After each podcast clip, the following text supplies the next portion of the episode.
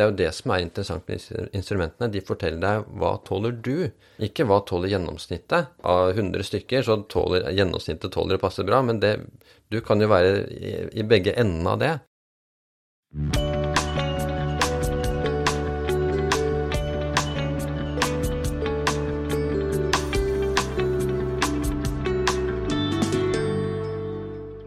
Hjertelig velkommen til podkasten Leger om livet. Mitt navn er Anette Dragland. Jeg er utdanna lege, og jeg ønsker å formidle god og nyttig kunnskap til alle.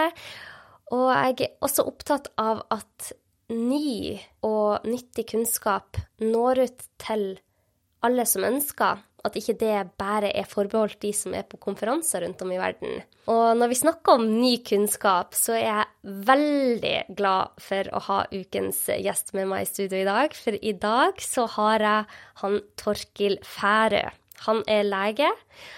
Han har jobba som fastlege og legevaktslege i over 30 kommuner, og på si, ved siden av all den jobbinga, så har han reist verden rundt og holdt fotokurs han har skrevet en bok som heter Kamerakuren. Og nå har han skrevet en ny bok som heter Pulskuren. Stress riktig, sov bedre, yt mer og lev lenger. Og jeg har lest den, og jeg tenker at dette blir en ny revolusjon innen helse, og det sier jeg ikke ofte. For det, dette er et verktøy vi alle kan bruke. Det vil gi oss mulighet til å se hvordan stressnivået vårt er, hvordan helsa, hvordan det står til med helsa vår hjemme i egen stue. Og det er ikke så dyrt, og det er tilgjengelig for alle. Det, det er bare utrolig spennende. Hjertelig velkommen, Torkil. Tusen takk, Anette. Veldig hyggelig å være tilbake. Jeg husker så godt jeg fikk mail fra deg for mange, et år siden der du skrev noe om HRV, og jeg ble solgt med en gang. Og du kom inn som gjest, og jeg husker jeg sa under, eh, under intervjuet at Torkil, nå sitter jeg bare her og gaper. For jeg ble så overraska over hvor, hvor, stor effekt dette kan ha på helsa vår, og hvor lite vi egentlig vet om noe så viktig. Ja, det er jo det som er eh, utrolig. At uh, noe så sentralt som å kunne overvåke stressnivået, og at vi nå har så enkle muligheter til å få det til, at ikke det er mer eh, kjent. Og at jeg er den som skriver denne boka. Jeg på en måte som er en slags sånn vagabondlege, rallalege som drar landet rundt og jobber sånn løsarbeider nesten. At det er jeg som skriver den, det syns jeg er veldig nesten rart. For dette er jo et middel for å kunne overvåke og bruke forebyggende helse. Istedenfor å vente til at folk blir eh, syke, så kan man få regulere stressnivået sitt selv, slik at man slipper å havne i den eh, fella hvor man overbelaster systemet sitt og blir syk. da. For det vi gjør i helsevesenet nå, ikke sant, det er jo nesten å vente til folk blir syke, for så å behandle dem med forholdsvis eh, begrensede midler, da. Mm. Så jeg håper jo at det kan bli en revolusjon, rett og slett, i forhold til at det blir mer fokus på forebyggende helse. Mm. Ja, for dette er jo et målbart instrument. Vi skal gå, Nå er det sikkert mange som ikke har hørt forrige episode, og tenker hva er det dere snakker om? Mm. Men vi snakker om pulsvariasjon, HRV. Ja. Eh, eh, vi må gå inn på dette først. Mm. Du har vært hos oss før. Du har vært hos meg før, men jeg vil gjerne at du går kjapt innom hva er HRV, og det samme Pulsvariasjon er det jo det samme det kalles heart rate variability på engelsk, mens pulsvariasjon på norsk. Ja. Men hva er dette? Heart rate variability er det at hjertet, når man er i stressmodus, så slår hjertet helt taktfast som en metronom. Som klokka, som sekundviseren på klokka, på en måte. Men hvis du er i restitusjonsmodus, avslappet modus, så sparer hjertet litt eh, krefter på utpust. Så at når du puster inn, så går pulsen opp, på en måte for å få med seg maksimalt med, med oksygen rundt i blodet. Og når du puster ut og har mindre oksygen i lungene, så slapper hjertet litt av og senker pulsen. Og det er et tegn på at du er i avslappet eh, restitusjonsmodus, eller parasympatisk eh, modus. da. Og dermed så kan klokkene nå måle dette her i millisekunder eh, og klare å gi deg et tall på om du er i stressmodus eller avslappet modus. Og de følger jo med døgnet rundt, ikke sant? Slik at du får en slags eh, bilde i øyeblikket. Så kan jeg trykke på klokka ikke sant? og se at nå er stressnivået mitt på, på 46, og jeg har et body battery på 56, som sier noe om min fysiologiske ressurser som er tilgjengelige da, i øyeblikket, og hvor mye jeg bruker i øyeblikket. Så det er en slags fysiologisk fartsmåler som viser deg hvilken hastighet du har, på en måte, på, på, på, kroppen din, fysiologien din. Og det at vi kan klare å måle det, vil jo gjøre at du klarer å regulere deg selv i mye større grad. For vi har egentlig ikke noen god sans innover eh, for å kjenne på dette her. Og hadde vi hatt det, så hadde vi ikke hatt det problemet vi har i dag, med at de regner med at 80% av de sykdommene som vi møter som leger, er, har en relasjon til stress. Og ikke minst så tror jeg det vil kunne forhindre mye av de store smellene, altså de som virkelig går på en smell, som ender opp med fatigue og, og ME og forskjellige, eh, hvor, hvor, dette systemet har vært overbelastet over lengre tid. Det vil du få på en måte stor alarm på. Vil ikke, det vil du kunne se. Det, det er jeg ganske sikker på. I, mm. At du har vært overbelastet eh, over tid. Hm. Men så OK, jeg må bare oppsummere det. Det som skjer, er at den klokka eller den ringen, det er en mm. gadget du kan mm. bruke, mm. som er tilgjengelig. Sånn som jeg går rundt med en Aura-ring og en Garmin-klokke. Mm. Og de begge måler min HRV og stressmodus. Mm.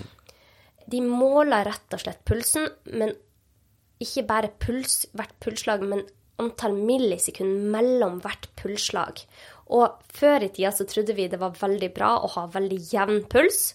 Men nå viser det seg det at hvis du har veldig jevn puls, så har, er du sannsynligvis i stressmodus.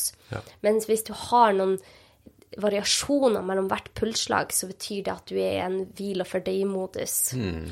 Og da må, må, jeg spørre deg, hva er forskjellen på parasympatisk og sympatisk nervesystem? For du nevnte dette og det autonome nervesystemet. Kan du fortelle oss. Ja, det autonome nervesystemet er jo grunnlaget i hele hjernen vår. Den måte, urgamle delen, den reptilhjernen, den som regulerer hvor stressa vi er, eh, om vi slapper av, det, det som jeg vil kalle det indre fossile. Altså det er et slags levende indre fossil som vi bærer med oss, og som er preget av millioner av år med utvikling. Og i i medisinen eh, og helsevesenet så tar vi for lite hensyn til denne delen av hjernen. Rett og slett fordi at den har gått litt under radaren. Vi har ikke vært eh, oppmerksom på det. Men det er grunnlaget da for veldig mange av sykdommene som eh, vi møter. da. En overbelastning i det systemet. Så det er der det autonome nervesystemet ligger. Mm. Og så er det delt opp igjen i sympatisk og parasympatisk. Ja. Så sympatisk er aktiverende, det som får oss opp, det som mobiliserer krefter. Mm. Eh, og det, vi jo, det, skal vi gjøre. Vi skal stresse, vi skal belaste oss, men så må vi kompensere med hvile etterpå. Og hvis du f.eks. går til Jeger samlersamfunn, så vil du se at de er i aktivitet to til tre timer om dagen, i moderat aktivitet, og så slapper de av resten. Da hviler de for å hente seg inn. De bruker ikke krefter uh, unødig. Og det er jo den fysiologien, de omstendighetene vi er konstruert for. Men i våre dager ikke sant, så holder vi jo på eh, hele døgnet nærmest og sover så lite vi kan. Og, og har lys som gjør at vi er eh, aktiverte for mye, da. Så mye av det man vil finne ut med de, ringene og klokkene, er jo at den hverdagsaktiviteten tærer mer på oss enn det vi kanskje har tenkt, da. Vi må aktivt søke å være i ro mer enn det som er vanlig. Mm. Det tror jeg de fleste finner ut. Ja, og det har jo jeg selv sett. Eh, nå har jeg gått med en Aura-ring i nesten halvannet år. Den har lært meg kjempemye om HRV-en min, og hva som gjør at jeg får lavere HRV. For det er jo sånn, jo høyere HRV, jo bedre.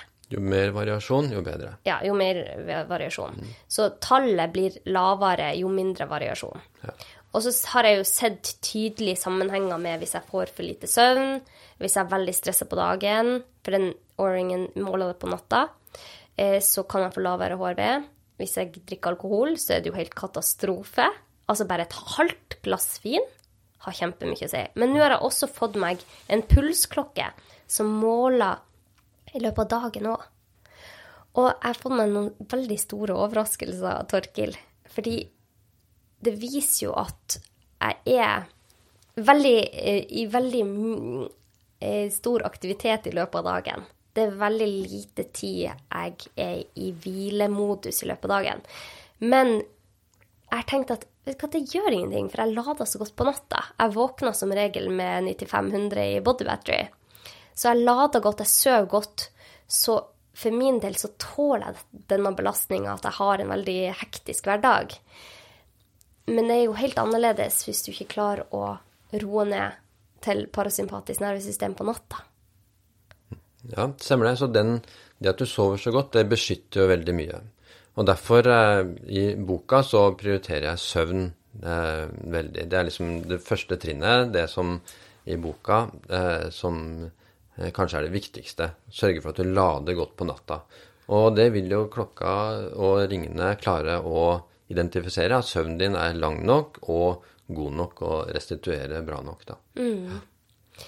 Men det er jo litt morsomt å se hva er det som får deg i hvilemodus. For hvorfor, hvorfor, må vi egentlig være i hvilemodus av og til? Det er fordi at immunforsvaret skal kunne gjøre jobben sin og rydde opp eh, på en måte etter dagens aktivitet. Så vi er jo lagd for å gjøre mye på dagen og så må kroppen eh, restituere og rydde opp, og celler må fornyes osv. Et stort stykke arbeid mm. som da kroppen gjennom millioner av år har lagt til natta, hvor det er rolig, og hvor det er liten fare for å bli forstyrret i den prosessen. da. Mm. Um, sånn at f.eks. huden, til og med huden vår, er mer permeabel, altså mer gjennomtrengelig på natta enn på dagen.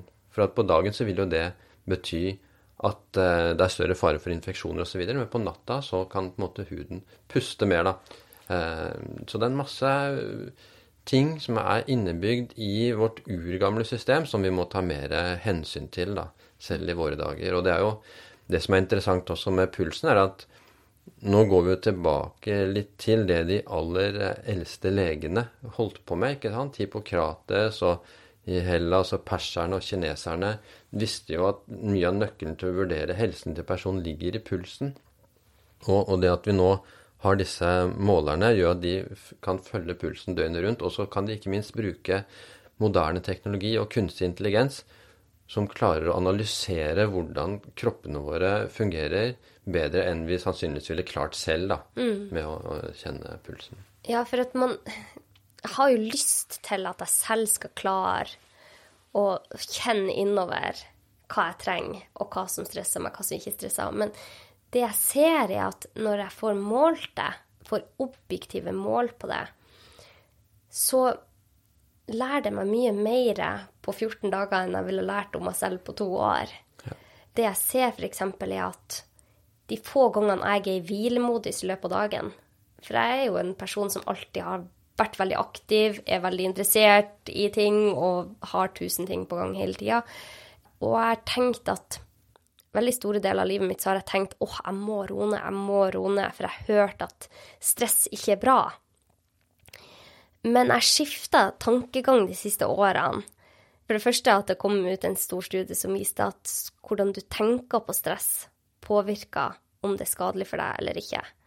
Men det andre er jeg jeg ser at så lenge jeg sover godt, så tåler man mye stress.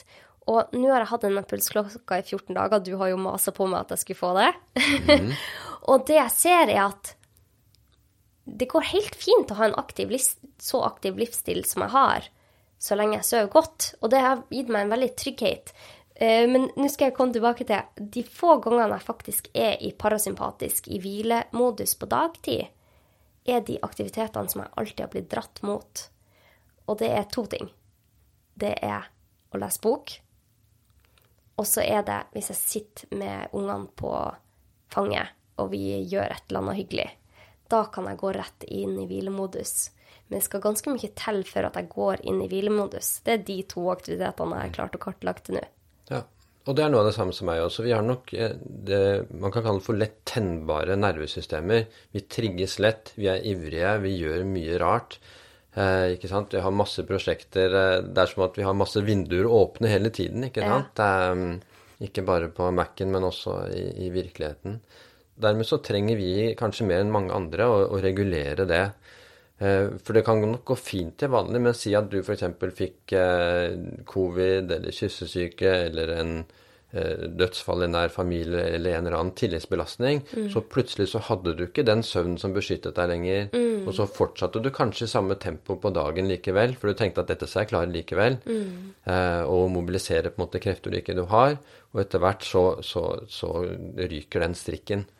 Og det er jo det som skjer med så mange, da, eh, som har disse Um, og det er det som er så dumt, for dette er jo mange av de personene som vi trenger mest. Folk som har stor kapasitet, eh, som har mye energi, som har mye kunnskap. Og når de går på smeller, så er det ikke bare det at de blir syke, men vi mister det potensialet de har. Ikke sant? Så mange av de som går på smeller, det ser jeg jo på legekontoret, er jo de som i utgangspunktet har mest å bidra med. Sånn at eh, jeg tenker at disse, disse um, verktøyene er en slags sikkerhetsventil som gjør at de kan klare å identifisere nå går det for fort, nå må jeg faktisk bremse ned. Jeg må kanskje til og med ta to uker eh, hvor jeg bare henter meg inn. Ja, og det er, det er veldig det, det er et så godt verktøy for annet sykdom, da. Sånn som klokka mi Nei, ringen min sa jo til meg dagen før jeg fikk covid at nå må du roe ned. Jeg følte meg i helt fin form. Jeg hadde tusen ting jeg skulle gjøre den dagen. Men jeg har jo lært meg å stole på den. Så jeg roa ned den dagen, og så avlyste jeg annet at jeg skulle trene på kvelden. Og jeg tenker hadde det vært før, så hadde jeg trena uansett om jeg begynte å føle meg litt uggen på kvelden. Nå stoler jeg på at den er med meg og forteller meg hva jeg trenger. Den varsler deg, ikke sant, om at nå er noe på gang. ikke sant, Nå, nå bør du ikke trene. Og, og klokken er også sånn en treningsevne. Den sier til deg hvilken treningsevne har du i dag. Og det gjør at du kan på morgenen, når du får disse resultatene, så kan du planlegge dagen ut ifra det. Og regulere litt på det du hadde tenkt den dagen i forhold til hva, hva disse instrumentene kan fortelle deg om tilstanden din. da. Hva, hva har det hatt å si for ditt liv? Jeg har jo regulert på masse, og, for meg har det vært veldig viktig. Som sagt, jeg holder på med så mye rart, og det gjør at jeg har ikke tid til dårlige dager, rett og slett. Eh, og dermed så har jeg regulert mye i forbindelse med måltider. Jeg har funnet ut at eh, morgenfast hjelper meg veldig, og har et begrenset spisevindu. Jeg prøver å spise mellom 12 og 6, eh, og i hvert fall holde det mellom 11 og 7. Eh, og det gjør at eh, jeg har eh, tid nok som regel i parasympatisk eh, tilstand. Da. Og jeg har sluttet å trene sent. Jeg har begynt å tilpasse trening da mye mer etter hvilken kapasitet jeg har. Så hvis jeg har hatt travle dager, så kutter jeg kanskje den treningen som jeg hadde trengt. Eller tenkt å ha, da. Eh, alkohol har jeg jo kutta omtrent helt ut. Altså kanskje Det var julebord nå med forlaget Cappelen Dam, og da tenkte jeg litt sånn så for moro skyld, for testens skyld, ta seks, sju, eh, kanskje til og med åtte enheter eh, alkohol. Eh, og, eh, og, og, og det er jo moro, men det tar meg tre-fire dager å hente meg inn. Oi! Så Det- mange det, dager! Ja, det gjør det, altså. Altså, jeg er redusert eh, i så lang tid etterpå. Jeg klarer ikke å konsentrere meg så mye som jeg er vant til. Og før så drakk jeg såpass ofte eh, at eh, jeg merket ikke de forskjellene. Men nå tenker jeg at sånn her eh, Tenk at jeg var, hadde, var det sånn før, på en måte. At jeg ikke Så mange dager som har gått bort med dårlig konsentrasjon og dårlig prestasjonsevne, da. Og nedsatt immunforsvar og alt mulig Ja, ja, ja, man ikke får lada. Absolutt. Men det syns jeg er veldig interessant. Du, I boka di 'Pulskuren' så har du jo et eget kapittel bare om alkohol. Ja. Og eh, man har jo hørt at det gjør ikke noe å ta et glass vin eller to til maten. Det går fint. Og det gjør det for en del. Gjør det fordi? At, ja, fordi at jeg har jo sammenlignet Jeg har vært i flere sammenhenger, ikke sant, hvor jeg har vært for eksempel på hyttetur, på tur med båt, på, på fotokurs, hvor andre har Garmin-klokker. Ja. Eh, og så har vi sett at vi har drukket omtrent det samme, eh, og så ser vi at noen har tålt det helt fint, mens andre har tålt det veldig dårlig. Sånn at eh, det er jo det som er interessant med disse instrumentene. De forteller deg hva tåler du, Ja. ikke hva tåler gjennomsnittet. Ja, av, av, av 100 stykker så tåler gjennomsnittet tåler det passe bra, men det, du kan jo være i, i begge endene av det. Så dette er jo et uh, instrument som viser deg hvordan akkurat du tåler en viss ting, og hvor mye du kan hente deg med å lese. Ikke sant? For eksempel, du henter deg med å lese. For en annen er, det kanskje med dysleksi, ikke sant? så er det bare stressende. Så den kan ikke bruke det, men den kan kanskje høre på en lydbok og, og komme i parasympatisk eh, modus, ikke sant. Og det, vet du hva, Torkil, dette er så spennende. Fordi at det, um, for, for min del, blant annet, så er det sånn at hvis jeg tar et halvt glass vin, så er det stress for kroppen min i seks timer etterpå. Eh, så tydeligvis så tåler kroppen min det veldig dårlig. Og det er veldig greit for meg å vite, ikke sant, at eh, når jeg føler meg uggen neste dag, så er det kanskje ikke for at jeg er i dårlig form, men det er for at jeg har drukket et glass vin dagen før. Og det er veldig greit for meg som lege å kunne få pasienter inn, og så kan jeg si Du, vis meg, eh, vis meg klokka di. Vis meg Garmin-klokka, eller eh, Polar-klokka di. Så får jeg se akkurat hvordan er stressnivået ditt deres i løpet av en dag, hvordan sover de, hvordan responderer de på hva, hva du gjorde på tirsdag, nei, da var jeg på julebord, ok, onsdag så ser du hvor dårlig du tåler alkohol. Ja, det er veldig, det er et utrolig nyttig verktøy for oss leger òg. Det er derfor jeg tror at det du driver med, Torkil, og det har jeg jo, du har jo faktisk quota meg på forsida av boka di, at jeg, jeg mener jo at dette er en revolusjon innenfor helse. Fordi at vi som helsepersonell kan bli så mye bedre kjent med helsa til våre pasienter med en sånn liten måler. Absolutt. Vi vil jo kunne få et vindu inn i hvordan helsa har vært siden sist, ikke sant? Um, Du kan jo se både dagene og, og fordelt over uker og måneder, så vi kan ha et eh, innblikk i hvordan eh, helsa er utenom akkurat der og da på kontoret, som ofte ikke er et, eh, kanskje et riktig bilde av hvordan den pasienten har det akkurat um, i, i, tidsperioden mellom.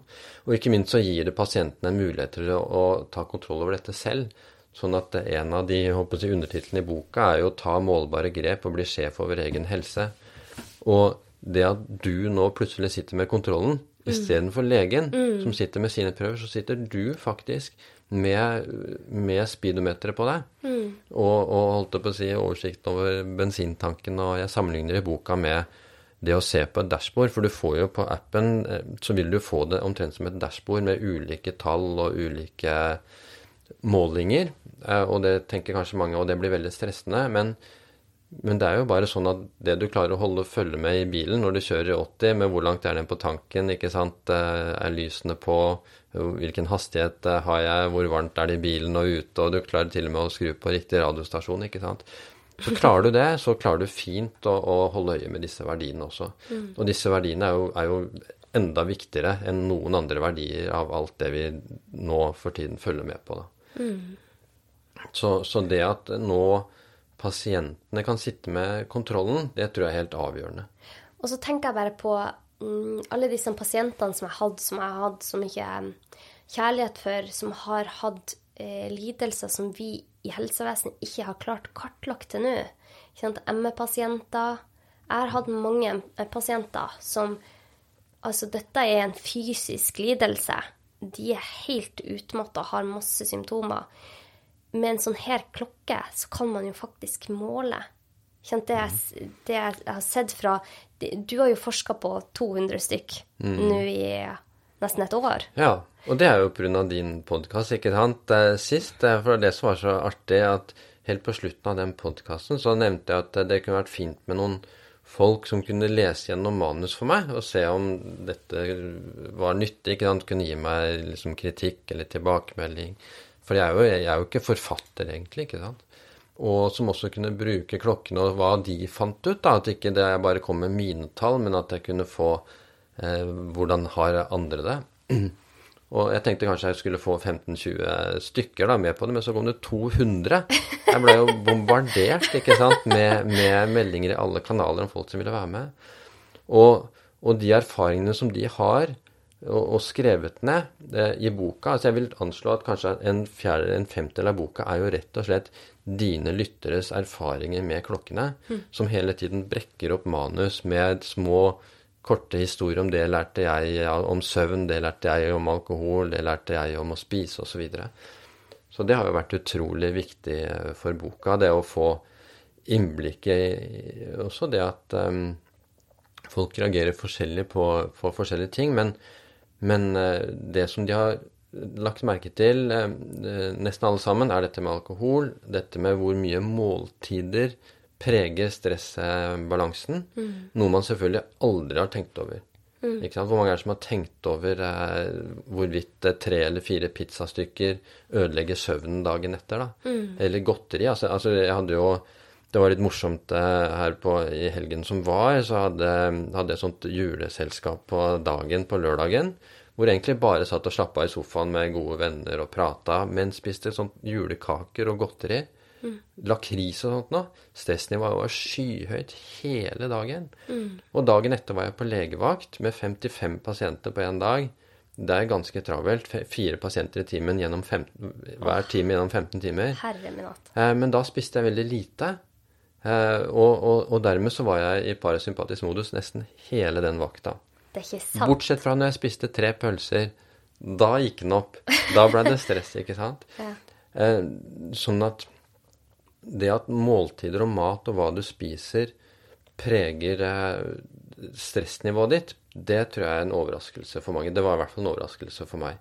Så nå er jeg blitt flinkere til å, å justere det, da. Mm. Så da tar jeg eksempel, hvis, hvis, det er noe pizza der hvor jeg er, da, ok, så spiser jeg kanskje tre istedenfor fire, da. For du trenger ikke å være perfekt, ikke sant?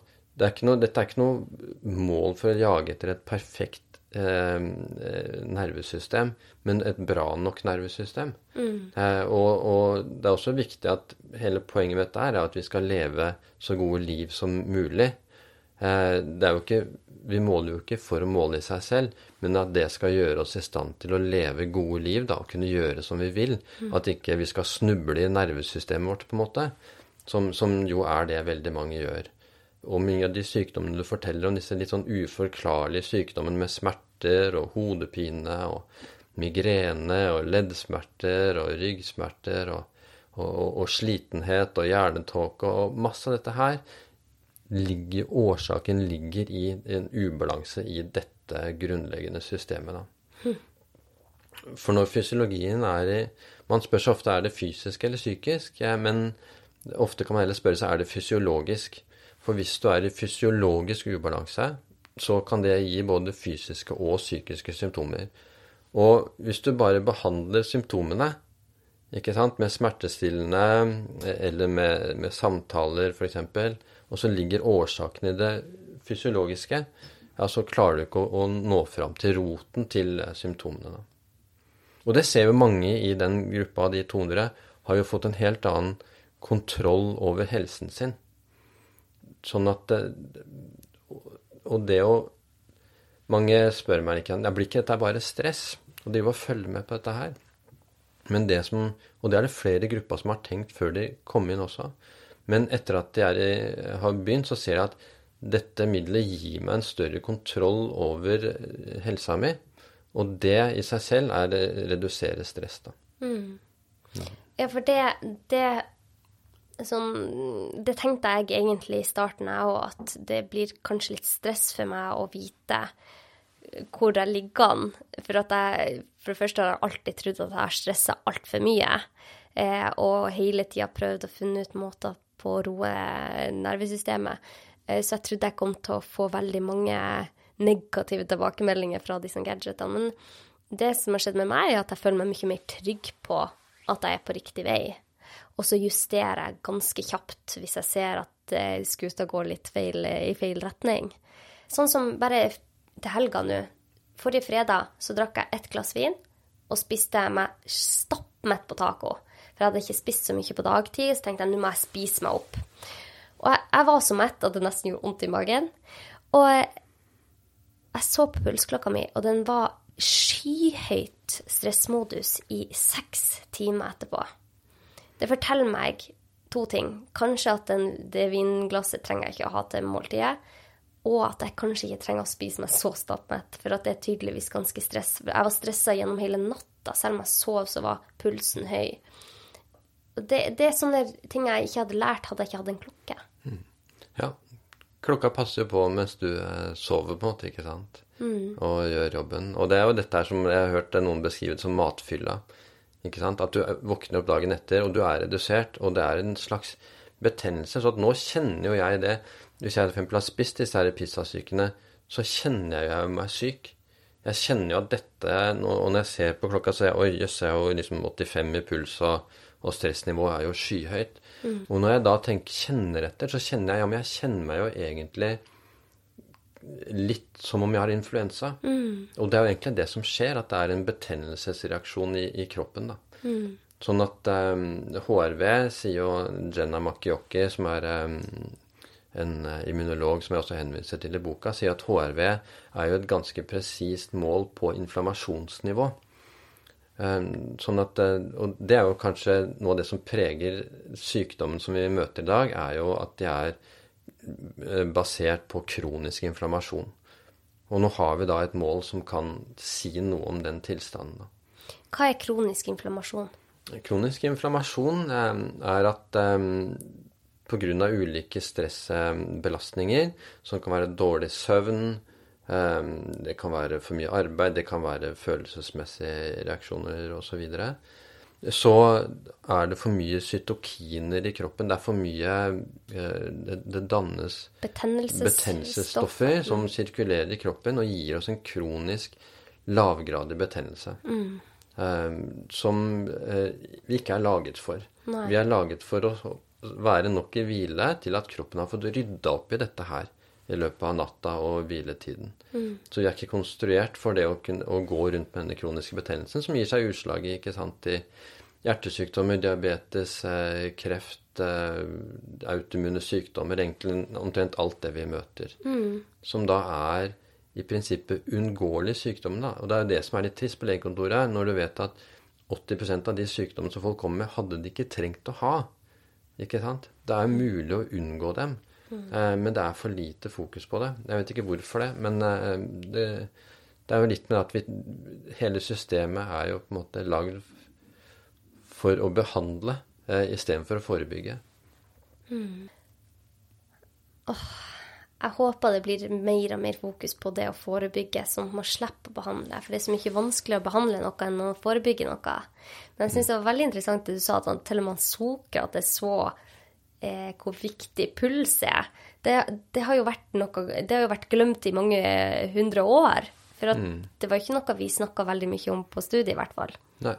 Ja, og vi hadde jo ikke noen, noen mulighet for å måle det heller. Ikke sant? På den tiden på studiet, i hvert fall på mitt studie i forrige årtusen, så, så for å få disse tallene her, så måtte du ha dyrt, kjempesvært utstyr som ingen kunne bære med seg.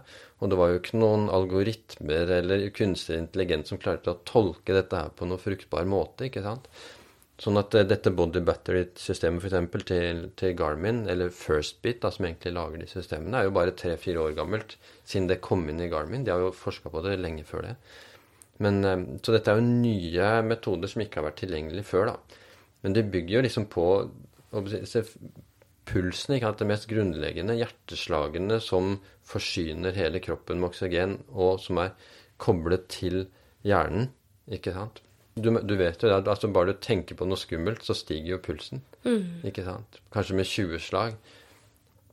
Sånn at eh, det at vi har et slags termometer rett inn til denne fysiologiske tilstanden vår, er helt uunnværlig. Og, og, og jeg er helt sikker på at eh, ja, at det, når det brukes av, folk, eh, kommer til å føre til store forandringer. Mm, det, det er jeg jo helt, helt sikker på. Men du, Torkil, jeg har tusen spørsmål til deg. Og etter sist gang du var hos oss, eh, var hos meg, så fikk jeg så masse spørsmål. Folk syns det er kjempespennende. Eh, Og kanskje de merker hvor interessert jeg og du er i det. Jeg syns jo, altså Du har åpna en ny verden for meg. Og jeg har jo lest siden eh, jeg begynte å lese om alt mulig som supplerte det jeg lærte på medisinstudiet for ti år siden, så har jeg jo lest hundrevis av bøker, men jeg har ikke lest en eneste bok om HRV. Og så kommer du hit og bare åpner en helt ny verden. og eh, for meg så har jo det vært superspennende. Men eh, lytterne mine har jo masse spørsmål. Eh, og jeg tenker at vi må gå litt inn på det. For det første så får jeg en del spørsmål fra lyttere som sier eh, Kommer dette til å bli stress? Mange lyttere som har lidelser allerede, som er redd for at de bare blir mer stressa ved å måle. Hva, hva vil du si til de? Det kan nok være, og særlig til å begynne med, at det blir mer stress. Eh, Og at det å se det sånn svart på hvitt, det er hvordan tilstanden er, at det blir eh, smertefullt og blir vanskelig det å forholde seg til, da. Men der, eh, jeg syns det er sånn godt sitat av Byron Katie, som sier at Ignore reality, welcome to hell. Og det er litt sånn at det er egentlig ikke noe valget Du kan velge mellom å forholde deg til det, eller å ikke forholde deg til det. Og jeg tror at det blir et verre resultat om du ikke forholder deg til det.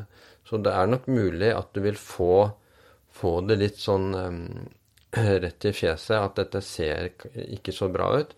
Men samtidig så vil du jo gjennom boka kunne se at ok, men det er ting jeg kan gjøre. Jeg kan eh, gjøre små ting med søvn, små ting med måltider, eh, med, med alkohol, med bevegelse, og jeg kan få denne skuta på rett kjøl igjen. Men har det vart lenge, så har på en måte en del eh, av disse sykdommene sementert seg i deg. Så jeg opplever ofte at jo lenger en sykdom har vart, eller symptomer har vart, jo lengre tid tar det å bli kvitt det. Og, og jeg har jo brukt mange år, jeg. Altså, det, det som er litt morsomt, er at jeg har gjort alt dette feil. Alle feilene som er i boka, alt det som man kan gjøre feil, har jeg gjort så grundig. Eh, selv om jeg var lege. Altså, jeg har snust masse, jeg røyka, jeg drakk to, to eh, kona si tre glass vin eh, hver kveld, liksom. og og jobba altfor mye. Masse nattevakter. Eh, kjørt på helt uten eh, bremse, på en måte. Eh, sovet dårlig, kutta på søvn. Så, så alt dette her har jo jeg eh, gjort feil. Og noen ting kan du endre raskt på. ikke sant? Jeg slutta med alkohol for åtte år siden på, på dagen, liksom. Og, mens andre ting har tatt eh, lengre tid å finne ut av.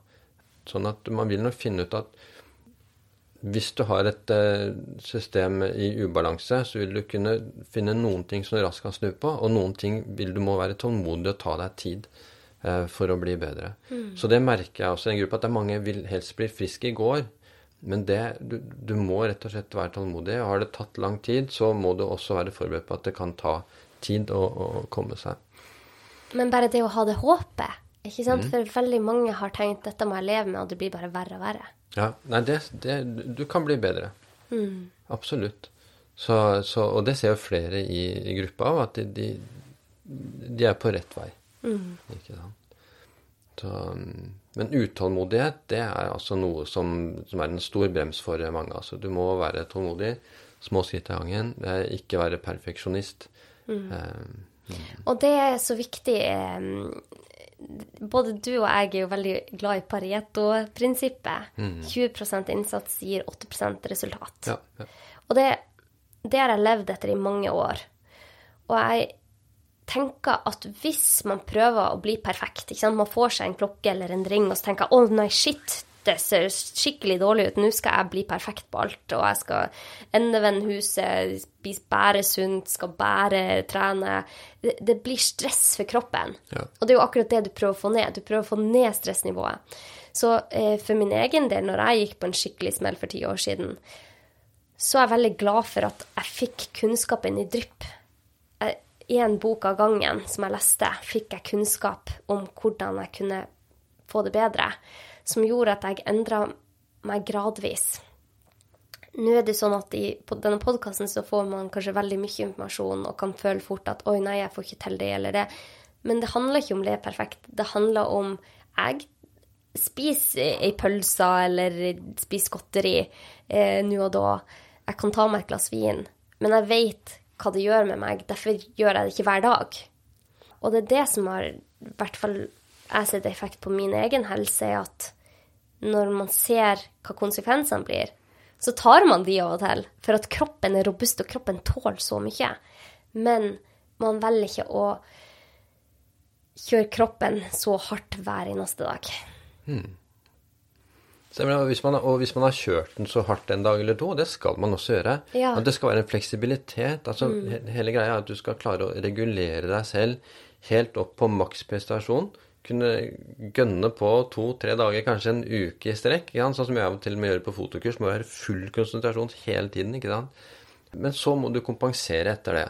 Um, og, og kunne regulere deg opp og ned, da.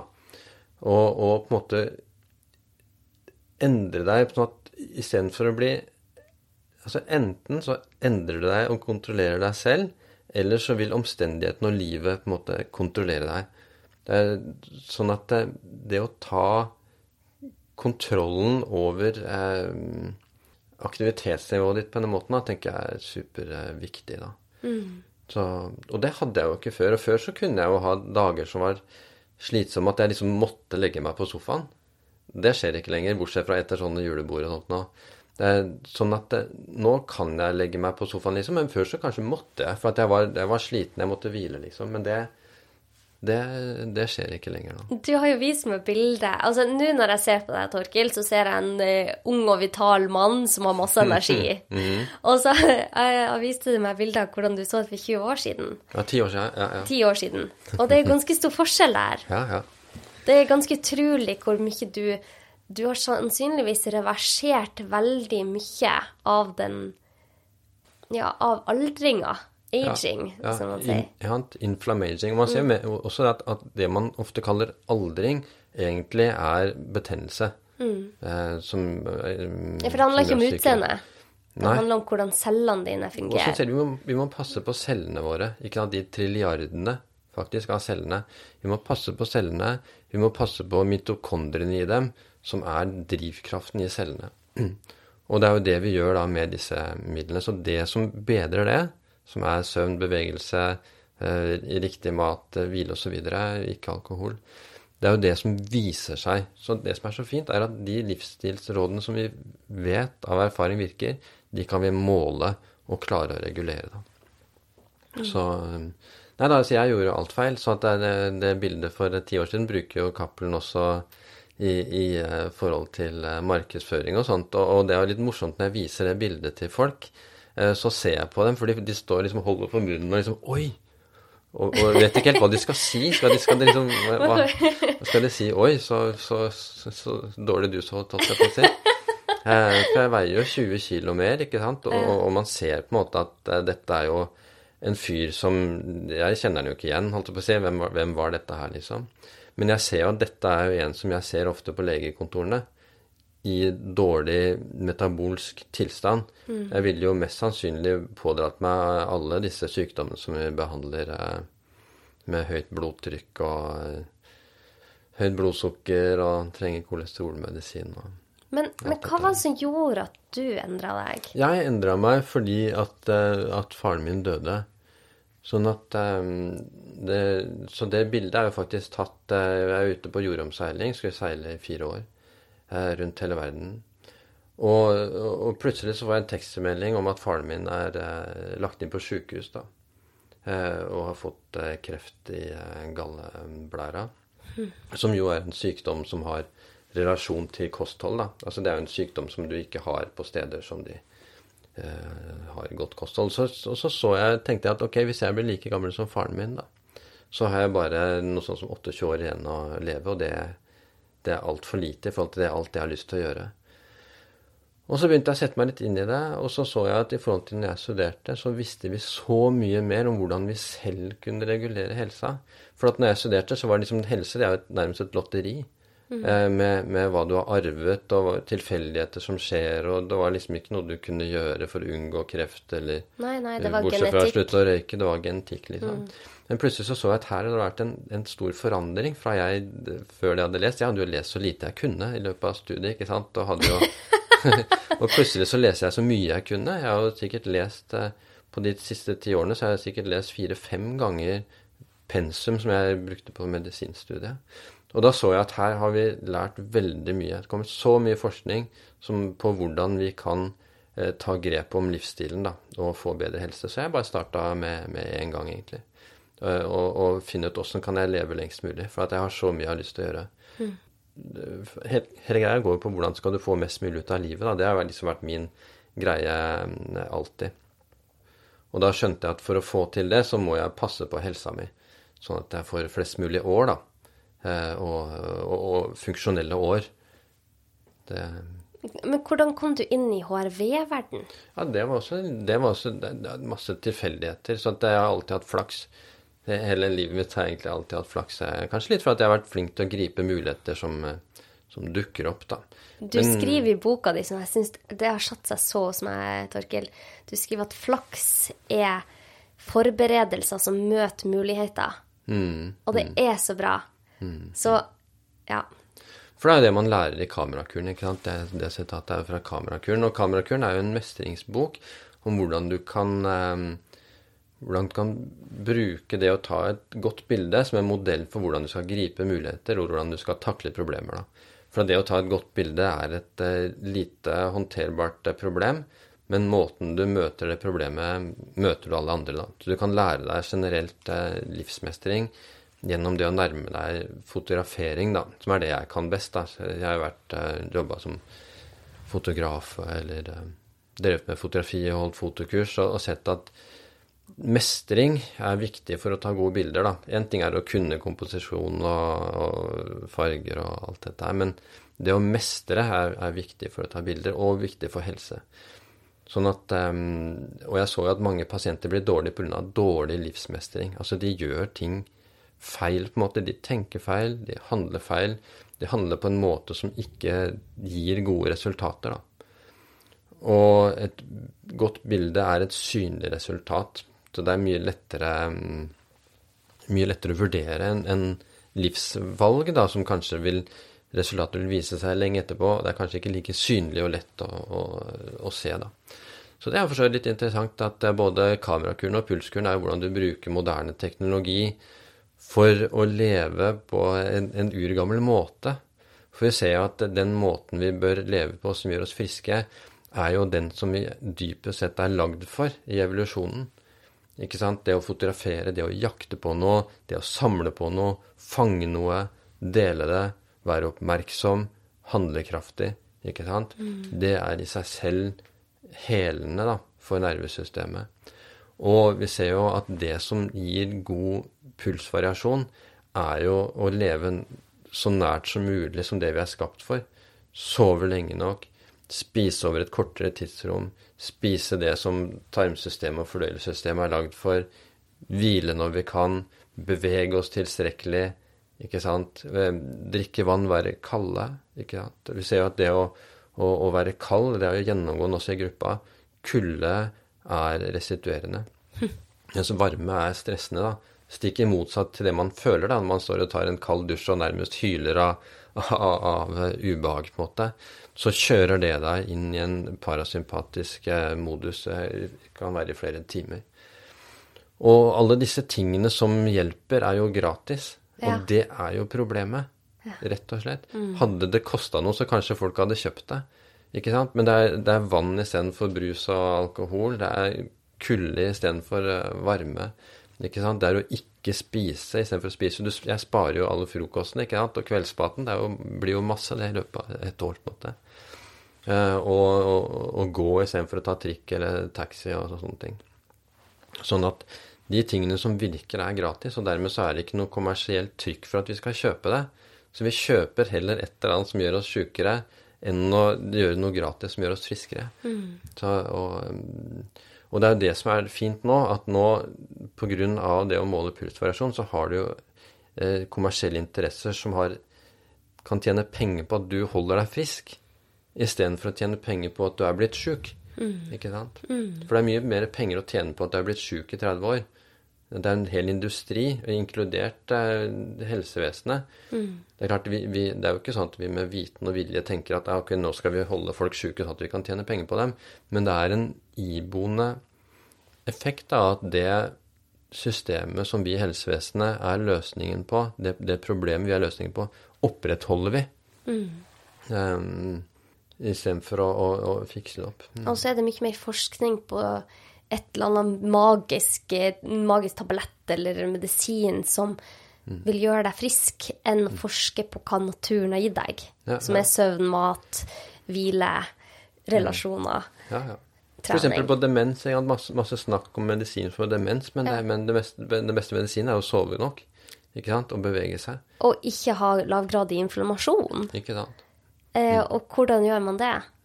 Det er jo å gå tilbake til naturen Ja. og gjøre det den har gitt deg. Mm. Um, For kroppen har, kroppen har medisinen i seg selv så lenge den får um, hvile og ro til å jobbe. Det er mange som snakker med å som jobbe med vagus og jobbe med det. Men det, du trenger egentlig bare legge til rette for at eh, vagusnerven og dette immunsystemet får gjort jobben sin. Og når vi stresser for mye, sover for lite, så forhindrer vi eh, det systemet gjør jobben sin, og det fører til kronisk betennelse. Som så er fellesnevneren for omtrent alle de sykdommene som vi behandler i dag.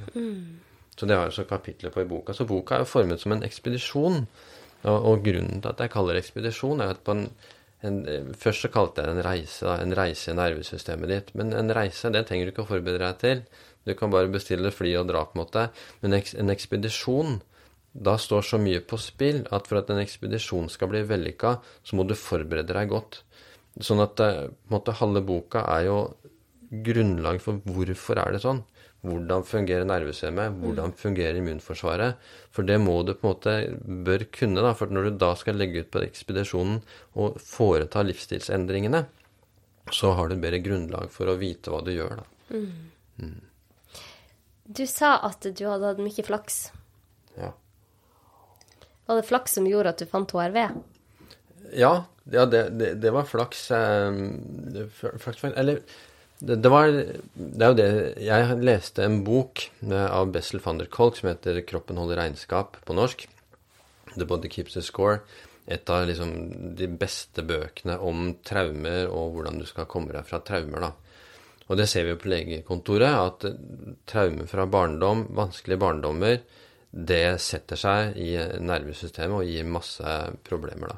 Og der leste jeg første gang om at amerikanerne bruker da pulsvariasjon i behandlingen innen psykiatri eh, som et veldig eh, godt mål på hvorvidt pasienten er tilgjengelig for terapi eller ikke. Så hvis pulsvariasjonen er for lav, så, så vil viljestyrken og kapasiteten til å gjøre endringer være for dårlig. Så de bør da kanskje vente til de er i en bedre mm, pulsvariasjon, og så kan de gjøre mer kompliserte ting. da. Tenk det. Og de vil også kunne måle hvorvidt behandlingen virker ut ifra HRV. Da. Så det var første gang jeg hørte om det. Det var i 20, 2019, da jeg, da jeg lå i hengekøya i, ut på en øy utafor Tahiti. og da leste jeg om det, og, og bare noen måneder etterpå, et par måneder etterpå så var jeg på en messe i forbindelse med at jeg solgte kamerakuren. Og der møtte jeg en som da hadde dette instrumentet, som kunne vise til at ja, men det, dette kan vi jo måle. Og da skjønte jeg, og det var jo overskudd.no, som jeg også mm, henviser til i boka, hvor, hvor dette instrumentet kan måle den HRV-en og måle nervesystemet. Og da skjønte jeg med en gang at her er jo potensialet kjempesvært. Så gikk jeg med den måleren i ett år, eh, hver dag, eller mer enn halvannet år. Og så etter hvert så skjønte jeg også at Garmin hadde mer eller mindre det samme systemet i klokkene sine, og dermed da mye mer tilgjengelig overfor andre. Så det har nok vært, altså det har nok eh, vært et visst sånn Askeladd-syndrom med at jeg har vært litt forberedt, og så når jeg har sett, sett den muligheten komme, så har jeg grepet den med begge hender, da.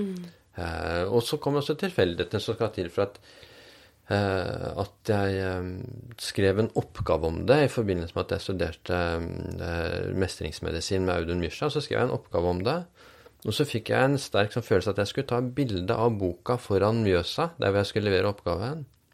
Og så tok jeg det bildet, og da tok redaktøren i Cappelen kontakt med meg for å lurte på kanskje er dette en bok.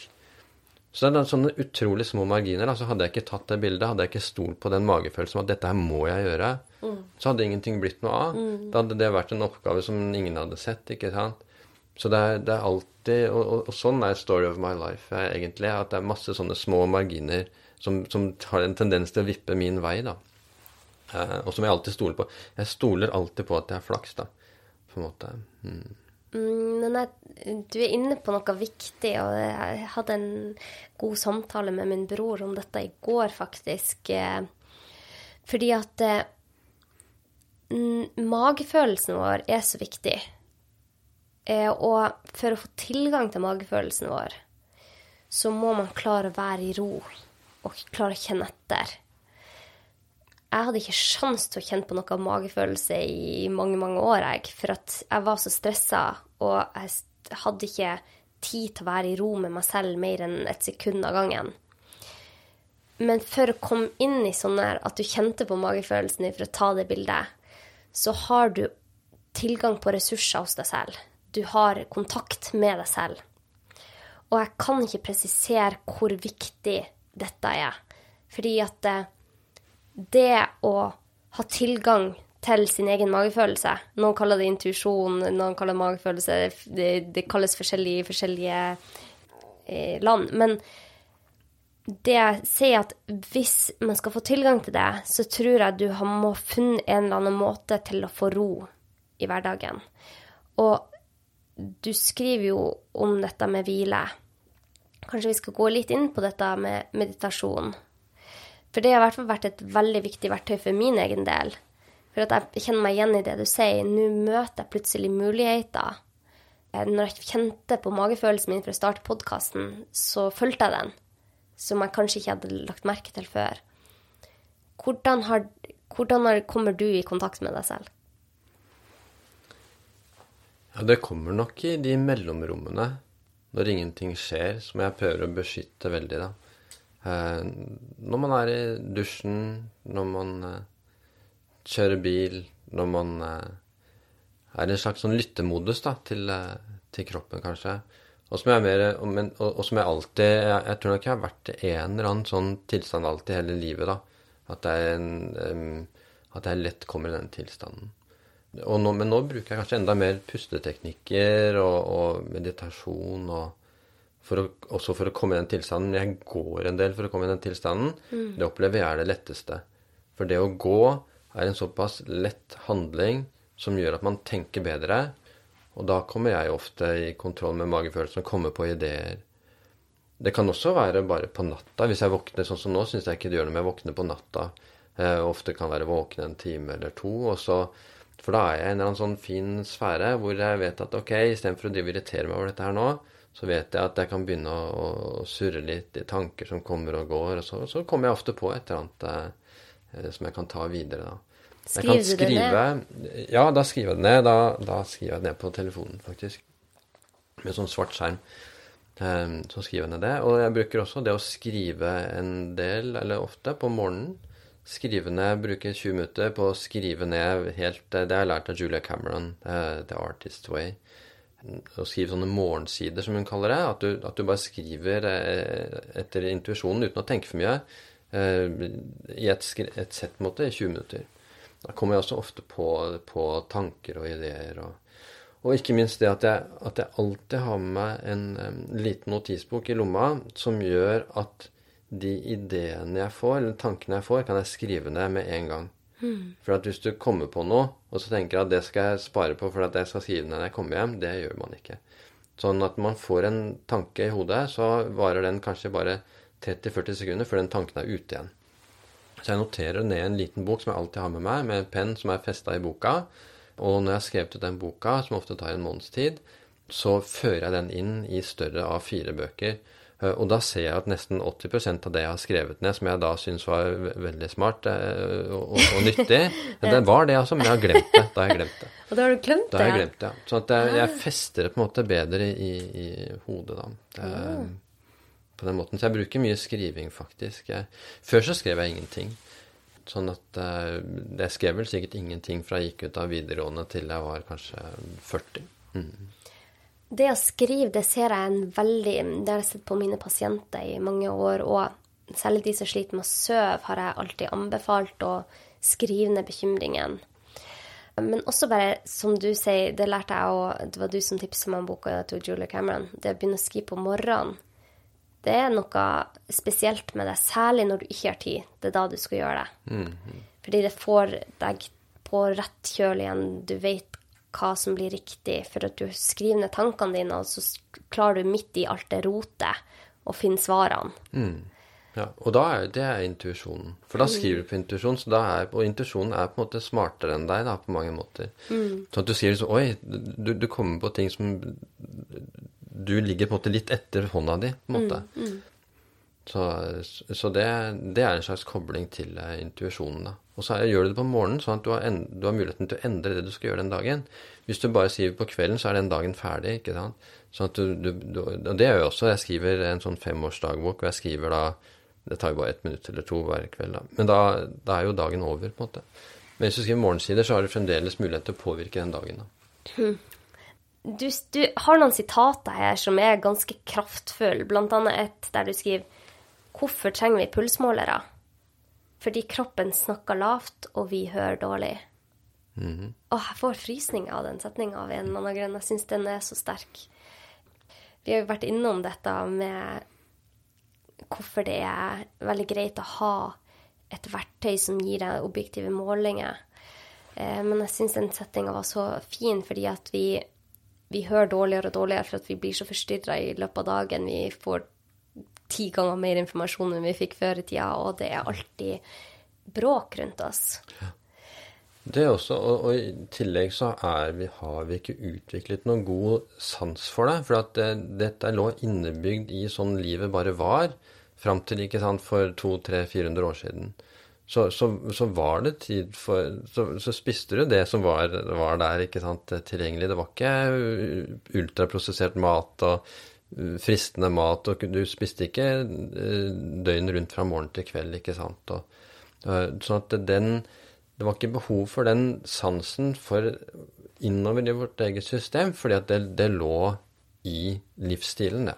Mm. Um, så det er også det at, at vi har en dårlig, alle har en dårlig hørsel, og så er den blitt enda dårligere pga. støyen i, mm. i uh, livsstilen vår nå. Da. Mm. mm. Så hvis man ser på jegere og sankere, så hviler jo de mye mer mm. enn vi gjør. Ja. Mm. Hvordan er det med Jeg får veldig mange spørsmål. Hva bør min HRV ligge på? Skal vi alle ha et, det samme, den samme tallet der? Skal vi ha lik HRV? Nei, så det er forskjell på sant, en, to personer med eh, samme alder og samme objektive helse kan ha forskjellige tall i HRV-en.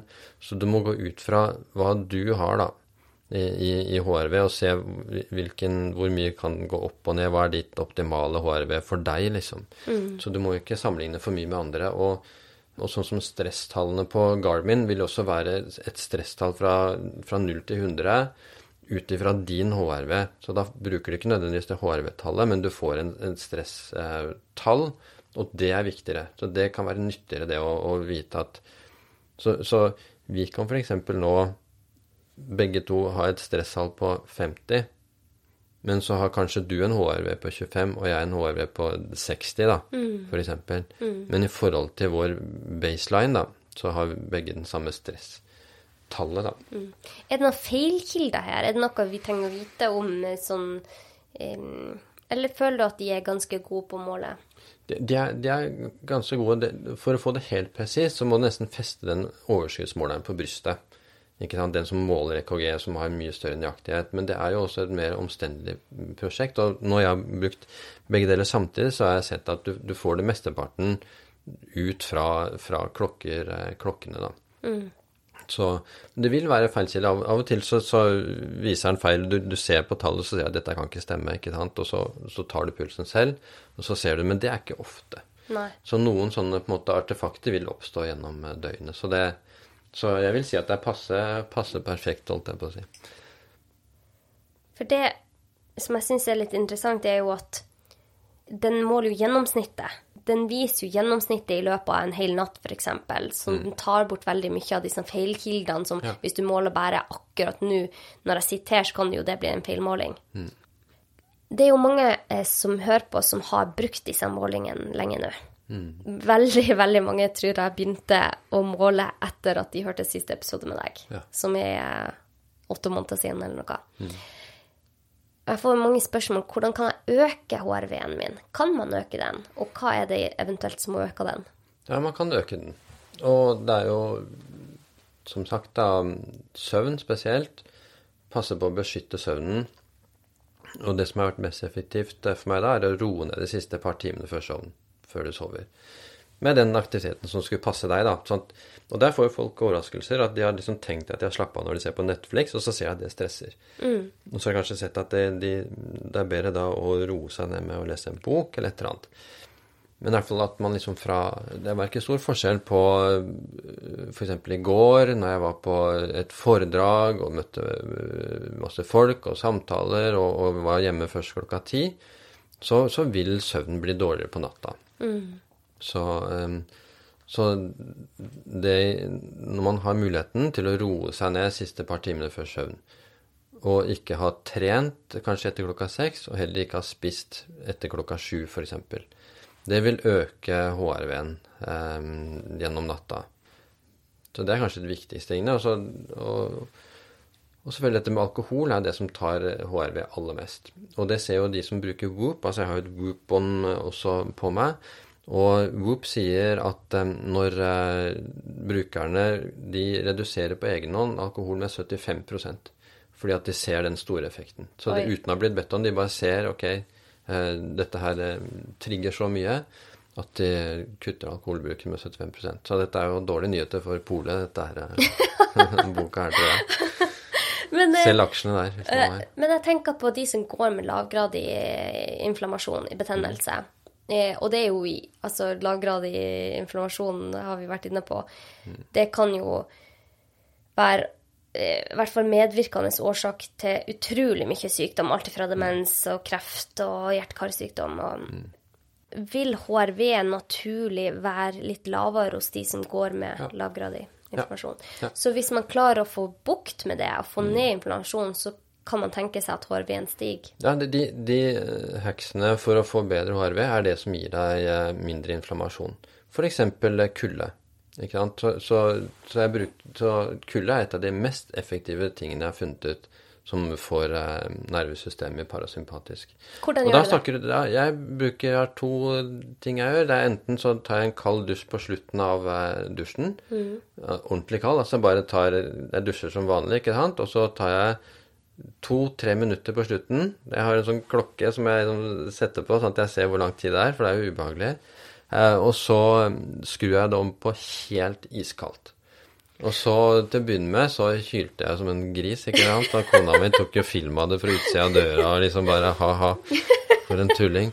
Eh, også, men nå, etter hvert, så har kroppen vent seg til det. Så nå er det ubehagelig, men ikke så ekstremt. Så nå, nå synger jeg, på en måte. Det er en måte jeg klarer å roe meg ned på. Da. Så jeg, jeg, synger faktisk for å holde pusten nede. Eh, men når jeg gjør det, så er jeg ganske beskytta mot stress i et par-tre timer etterpå. Tenk det. Eller så kan jeg ta et 20 minutters eh, bad i ca. 20 grader.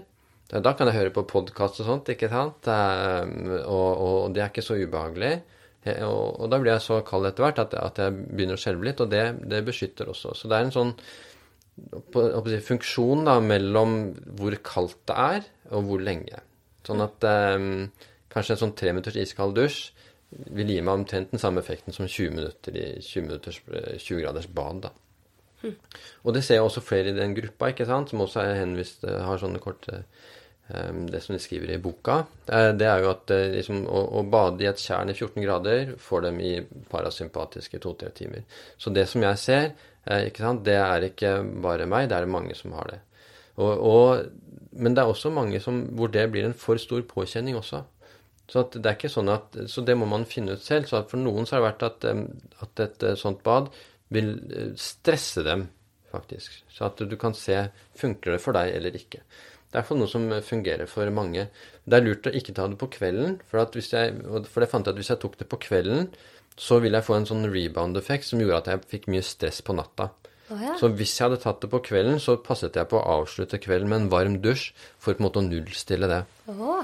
Så, så, så, temperatur er jo også Vi er jo lagd for å være kalde, ikke sant. Altså nå lever vi jo komfortabelt. Vi lever liksom i 20 grader både i bilen og inne, bare så vidt vi er utafor døra. Og, men vi er jo lagd for å være ute. Mm. Kroppen vår er jo lagd for å være ganske kalde på natta. Vi kommer jo som, som, som art, Homo sapiens, så kommer vi jo fra høylandet, ikke sant, i, i, Afrika. Det var jo kaldt.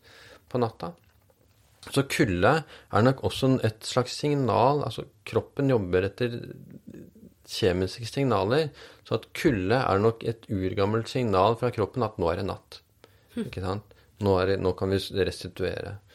Ehm, det kan nok være noe av mekanismen bak det. Og, og fridykkere sier jo at det er sånn som James Cameron, ikke sant, som har lagd Avatar, sier at idet han fridykker ned, så går pulsen ned. Så det er nok en, en urgammel eh, refleks eh, som vi har med oss fra, fra urtiden. Hm. Ja, det er fascinerende. Altså, og, og, det er det som er Det du sier hele tida, er at dette er individuelt. Ja. Og, og, det er jo akkurat det. All forskning er jo gjennomsnittsforskning for det meste. Mm. Og eh, vi kan være så forskjellige. Jeg og du kan reagere så forskjellig, og jeg ser det nå. Eh, nå har jeg nevnt meg selv flere ganger her, og det er ikke for at jeg har lyst til å fortelle om min, eh, min egen helse, men det er for å sette det i perspektiv, da. For at Blant annet ser jeg på meg og eh, min samboer. Vi reagerer veldig ulikt. Sånn som hvis jeg leser bok, så er jeg parasympatisk. Jeg er i hvilemodus. Tar jeg meg en kopp kaffe, så går jeg rett opp i sympatisk. Da, da, det stresser kroppen min litt. Det gjør jo ikke noe. Men hvis jeg har lyst til å være i hvilemodus, så vet jeg nå at jeg tar ikke å drikke kaffe akkurat i den perioden der. Og så ser jeg at jeg er litt stressa når jeg sitter i bil. Det er ikke min samboer. Han reagerer overhodet ikke på kaffe. Så vi er så forskjellige, og det er jo det som er så viktig. Det er så viktig poeng du har, Torkil, at dette er individuelt. Og mm. det er det vi kan se på disse instrumentene. Hva mm. er det som er bra for deg? Mm. Hva er det som er bra for meg? Det kan være to vidt forskjellige ting. Ikke sant? Kjører du Ferrari eller Lada, liksom, ikke sant? Da, ja. du, altså, er, vi er like forskjellige. Altså, noen av oss er sånne Ferrarier eh, som, som, deg, ikke sant? Som er liksom skutt ut av en kanon og, og, og, i full fart, på en måte. Mens andre, ikke sant, er, er, er litt mer eh, traktor alltid. ikke sant? Trenger litt mer ro. treng, ikke sant? Sånn, det, vi, ja, jeg kan er, se mine ene bror der også. Ja, ja, ja ikke sant. Så, og, og, så, noen trenger å stresse ned, og andre trenger å stresse opp. Mm. Ikke sant? Så for, for, det er jo mange, og spesielt av dine lyttere, så er det mange som er mer i sånn overbelastningsdelen av befolkningen. Eh, mens de aller fleste pasientene som vi møter på legekontor, er jo i underbelastningsdelen. Mm. Ikke sant? Og, og, og, når jeg jobber sånn som i, i forgårs på Eidsvoll med 55 pasienter på den dagen, så ser jeg at det er jo Det står dårlig til, altså, med, med mange. Mm. Eh, så du ser jo at de aller fleste av dem, de, de burde nok eh, gassa på mer. Mm. Mens mange andre må bremse mer. Så, det, det, er ganske underkommunisert, det du sier nå. At man skal gasse på nå. At ikke alt Altså det, det, er veldig få som sier at det er bra å stresse litt òg. Mm. Ja, stress sånn? har fått en sånn um, ting ved som at det bare er dårlig, da. Eh, men vi skal stresse. Vi er lagd for å stresse. Vi er, vi er etterkommere av de som var flinke på å stresse, ikke de som bare slappet av. Ikke sant? Sånn at um, Vi er jo i en ubrutt linje, ikke sant? Det er jo det som er nesten helt utrolig å tenke på. Begge vi to, og alle som hører på, er en del av en ubrutt reproduksjonskjede helt tilbake til den første cella på jorda. ikke sant? For jeg vet ikke om det var eh, tre-fire milliarder år siden, eller når, når liv oppsto. Liv, liv har bare oppstått én gang. Flercellet liv tror de har oppstått ved to-tre forskjellige anledninger.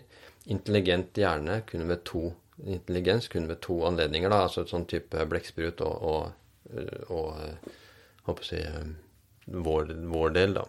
Hm. Så, så, så i, i, fire milliarder år liksom, så har eh, hver enkelt gjort jobben sin og ført genene sine videre helt til vi står her. da. Og det er jo det som er helt utrolig å tenke på. Og også generelt når det gjelder helse, da, eh, så tenker jeg også at det er litt viktig å ikke bli for opptatt av seg selv. Så det er nok noe som jeg alltid har hatt fordel av, at jeg har vært lite opptatt av åssen jeg har det. da.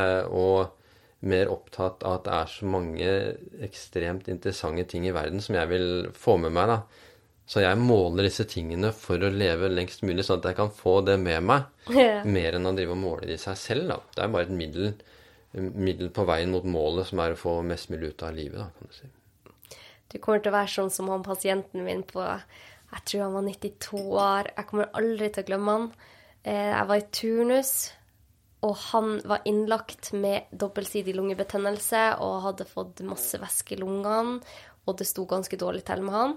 Og så skulle jeg gå inn og spørre han da om han, det var greit for han å være HLR minus, altså at hvis han fikk hjertestans, at vi ikke eh, begynte med hjerte-lungeredning, for det er jo veldig belastende. Og han sitter på senga, og jeg sitter attmed han, og så ser han på meg, og så sier han Men Anette, dere må jo gjøre hjerte-lungeredning hvis hjertet mitt stopper. Jeg har så mye mer jeg skal gjøre. Å, jeg syns det er så fint. Og han kom seg vel? Han kom seg, og han levde videre. Og jeg tenker å få han så mye. Eh, for en fin fyr. Eh, så jeg ser for meg at du blir en av de Det er noe med å ha den livsviljen. Altså, når jeg snakker om pasienthistorie Jeg husker jeg hadde vakt på julaften i Bodø i turnus. Og så kom det en dame med hjerteinfarkt. Og så fikk hun eh, Og så sa hun Når hun kom inn, jeg tok imot henne, så sa hun her skal jeg ut fra om to-tre dager. Jeg skal bli frisk, liksom. Mm. Og så fikk hun hjertestans på natta. Husker jeg var fullt, eh, full fart eh, på med disse her apparatet, ikke sant, hjertestarteren. Fikk henne i gang igjen. Mm. Og to dager etterpå så har henne skrevet ut. Nei. så det er noe med disse her som har den livsviljen der, altså. Som jeg tror det er veldig viktig. Mm. Ja. ja. det er mye spennende i livet, så. Det som er litt viktig å si, ja. er at nå, en ting er jo pulskuren, ikke sant, boka. Men vi, vi, ønsker å videreføre det arbeidet som har vært gjort på den Facebook-gruppa. For jeg har sett at folk har vært så utrolig flinke til å lære av hverandre. Ja, Legge ut kurvene av hva de, har, hva de har erfart, og stilt spørsmål. Så det, vi har laget et nettsted som heter pulskuren.no, mm. hvor vi ønsker at eh, folk eh, som har lyst til å jobbe videre med det de lærer i pulskuren, kan bli med der. Legge ut det de har funnet ut, stille spørsmål. Vi kommer til å holde webinarer, vi kommer til å holde workshoper på de ulike emnene. Så det kommer til å bli et sted, eh, håper vi, med, med mye Et læringsverksted, egentlig. Mm, der alle lærer hverandre. Ja. Mm. Og det ser jeg jo, jeg er jo del av den Facebook-gruppa. Og jeg lærer jo masse av de andre deltakerne, for at dette er så ferskt. Masse, ikke sant. Og, og for eksempel da, så hadde vi en, en, som På et webinar så var det en som sa 'Jeg skjønner ingenting'. Eh, jeg gjør ikke noe forskjellig, og likevel har verdiene mine gått rett i bånn eh, de siste fem dagene. Og vi drev og pønska et webinar, kom med forslag, var det ditt eller datt? Og så sa hun plutselig Hm, men jeg er på fjellet. Jeg er på ca. 1000 eller 1100 meters høyde. Kan det være det? Ja, der var det. Ikke sant? Og, og det viser jo også Whoop, sine, Whoop sin podkast, det lytta jeg på nylig. De tre verste stressordene det, De tre verste, det var sykdom, nummer tre. Nummer to var høyde, altså Nei. akklimatisering. Oi. Og nummer én var alkohol. Nei. Ikke sant? Og hvem hadde tenkt på det, da? At, at, at, det å være på en høyde Og det ser vi jo på når, når folk flyr. Mm. Så fly er stressende, for da er det jo høydemessig i 2000 meters høyde, ikke sant? Ja. Så fly, en flytur er stressende og gir et høyt stressnivå pga. at du plutselig er oppe i 2000 meters høyde, da. Selv, om, selv, i en trygg kabin. Herre min. Så, så, og, og, dette finner, finner folk ut. Så i det liksom tusenvis av folk, det ser jo Whoop også, som eh, holder på med det, at når tusenvis og kanskje millioner av folk bruker dette her, så finner du ting som legevitenskapen ikke hadde klart å finne ut på samme måte, da. Mm. Som når du får så mye data på hvordan folk faktisk lever, og hva de gjør, da. Ja, jeg ser jo hvordan man lærer hverandre. En mm. fikk mye høyere HRV ved å ta B12-sprøyte. Ja. Det, det, er så individuelt. Og en plutselig ved at de glemte Sarotex-medisinen. Ja. ikke sant? Ja. Så ser de plutselig Og der ladet de, liksom. Ja. Og det ser de jo også på sånn som på det søvnkurset ditt, hvor de ser at de medisinene folk får for å sove, stresser dem. Ja, jeg vet. Det er jo helt absurd. Og det ser vi jo da, at når du tar type uh, antihistaminer for å sove, så er du egentlig bare utslått. Mm. Mens, mens HRV-en, stresset, ser at du våkner og er groggy. Det er ikke en bivirkning. Du er groggy fordi at du har vært i stress gjennom hele natta. Mm. Det er så viktig poeng. Det er derfor jeg brenner så for at man skal få god søvn uten medisiner. Mm. For det naturen har gitt deg, er den aller beste medisin. Mm. Men Torkil, jeg har noen siste spørsmål til deg. Pulskuren.no kan man gå inn på hvis man ønsker å lære mer. Men du er en spennende fyr, Torkil. Helt fra jeg møtte deg, så har jeg kjent en sånn utrolig god eh, aura fra deg. Du har en sånn veldig god. God, eh, hva kaller man det? Energi, kanskje? Ja, ja, du har en veldig god energi. Og eh, du har gjort mye rart i livet ditt. Du lever, jo, du lever, jo, annerledes enn de fleste. Ja. Du jobber intenst, for så å reise rundt og leve mm. fritt. Mm. Mm. Og du leser veldig masse spennende bøker. Mm. Du har gitt meg masse tips til gode bøker som jeg har lest, og jeg slukt de rått. Du har mye spennende tanker. Så jeg lurer på hva tenker du etter å ha sett så vanvittig mye pasienter og har reist jorda rundt? Hva tenker du er viktig for oss mennesker for å ha et godt liv? Ja, det viktigste er jo kanskje først å bestemme seg for at det er det de skal ha. For jeg har inntrykk av at mange ikke engang har tenkt over det. Så ofte så har jeg spurt liksom, hva, hva vil du? Eller hvis folk har vært eh, kommet på kontoret med en eller annen problemstilling, en depresjon eller hva, ja, kanskje spurt ja, hva, hva ønsker du å gjøre? Hva, hva, vil du ha ut av livet, liksom? Og så sier jeg at det har jeg faktisk aldri tenkt på. Eh, så det første blir jo kanskje å bestemme seg for at ok, jeg er her en kort tid på jorda. Eh, jeg ønsker å få så mye som mulig ut av det. Ok, ja, men da bestemmer man seg for det.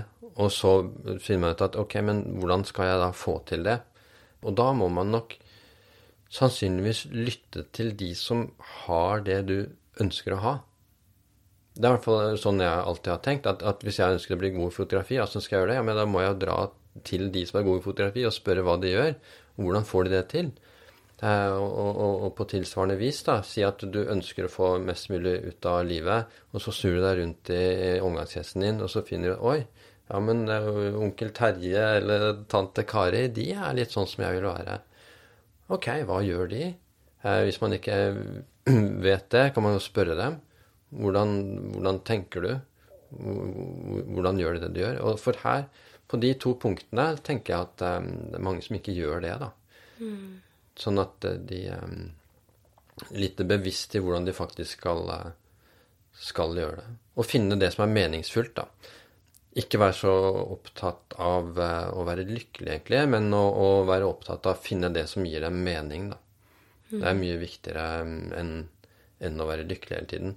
Og som sagt, kanskje ikke tenke så mye på seg selv. for at eller være så veldig opptatt av sånn selvforglemmelse, det tror jeg kan være viktig. Det er fordi at når du ser det perspektivet, ikke sant Som sagt at vi er liksom eh, Sitter her på toppen av så mange år med folk som har kjempet hardt for at vi skal være her, og så være veldig opptatt av hvor mange likes du fikk på Facebook, eller om, du, om det eller det skjedde i dag. Jeg, det blir litt meningsløst. Da, man, at man må tenke litt utover det, da. Mm. tenker jeg er uh, viktig, da. Mm. Hva, hva tenker du hvis du hvis du hadde fått beskjed om at du måtte forlate denne jorda i dag, mm. og det var bare tre sitat eller råd eller ting eller tre ting som sto igjen etter deg, etter doktor Torkil Færø, mm -hmm. eller bare Torkil Færø, ja, hva ja. ville det vært? Ja, hvis jeg skulle hvis jeg, Nå har jeg til og med en Instagram-konto som heter Doktor Torkil. Det hadde jeg jo ikke når jeg var her sist, så det er liksom noe Og det er veldig artig. Vel, da vil jeg kanskje fra Dr. så vil det nok være de tre tingene kanskje som jeg har lagd som eh, er viktige. Og det er jo da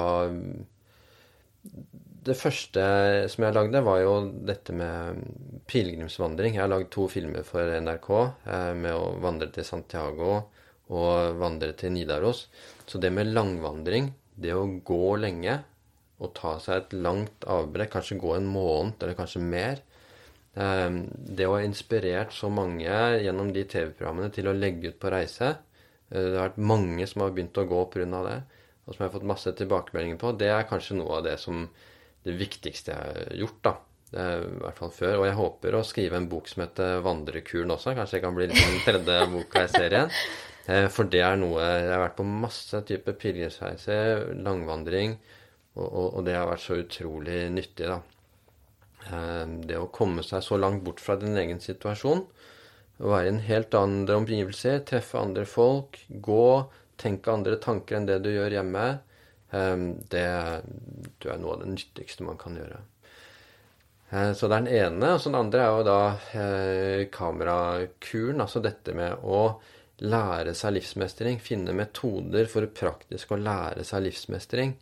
Det er kanskje det som eh, jeg håper vil være igjen for mange. Og også da til slutt da pulskuren. Det at du faktisk kan, kan lære deg å ta kontroll over det grunnleggende nervesystemet som gjør deg i stand til å fungere optimalt over et helt liv, da. Eh, for jeg ser jo at de som har levd lenge, som har hatt et godt liv, og blitt de 92, 93, 94 år, eh, de har hatt det. da. Mm. Så, så, hvis de eh, tingene kan bli stående igjen, så da er jeg happy, i hvert fall. Mm. så bra. Og de står jo igjen. De er produsert og er ute. Mm. Og hvis dere er interessert i å lære mer om HRV og pulsvariasjon, så kjøp pulskuren. Den er, anbefales varmt. Og det ser jeg ikke bare for at uh, du, Torkil, er gjest her i dag. Den er kjempebra, og det er et viktig stykke arbeid. Uh, og så er det jo også um, oh, ja. lansering. Ja, og så må vi ikke glemme må det. Ikke glemme. For du har, eh, du har boklansering. Boka kommer ut den 2. januar. Mm. Den er kommet ut. Mm. Men du har lanseringsfest den 18. januar. Mm, med deg. Så da blir det 18. januar på Deichman Bjørvika, Dørvika. Så har vi et foredrag som starter klokka seks. Da skal jeg holde et foredrag på kanskje en halvtime, og så tar vi ca. en times samtale etter det. En slags sånn bokbad-samtale, som også kommer til å bli livestreama. Men for de som er i Oslo, så hadde det vært veldig hyggelig om noen av lytterne kommer dit, da. Eh, så det vil være et eh, arrangement som man sikkert vil finne på Cappelen Dam sine sider, eller sikkert på våre eh, sider også. Ja. Som jeg tror kan bli veldig, veldig artig, da. Så da, og, har, så, så da har du utfordra meg til å intervjue deg i en time på scenen. Ja. Og vi har jo begge taleskrekk. Ja. så det blir jo veldig spennende. Å, dette skal bli spennende, du. Mm, mm. Ja, så dere må ta oss som vi er. Ja. Ja, jeg gleder meg skikkelig til å lære enda mer av deg den 18. januar på Deichmanske. Det blir kult. Mm. Tusen takk for at du tok deg tid til å være med i podkasten, Torkil. Tusen takk for at vi kom med. Fantastisk.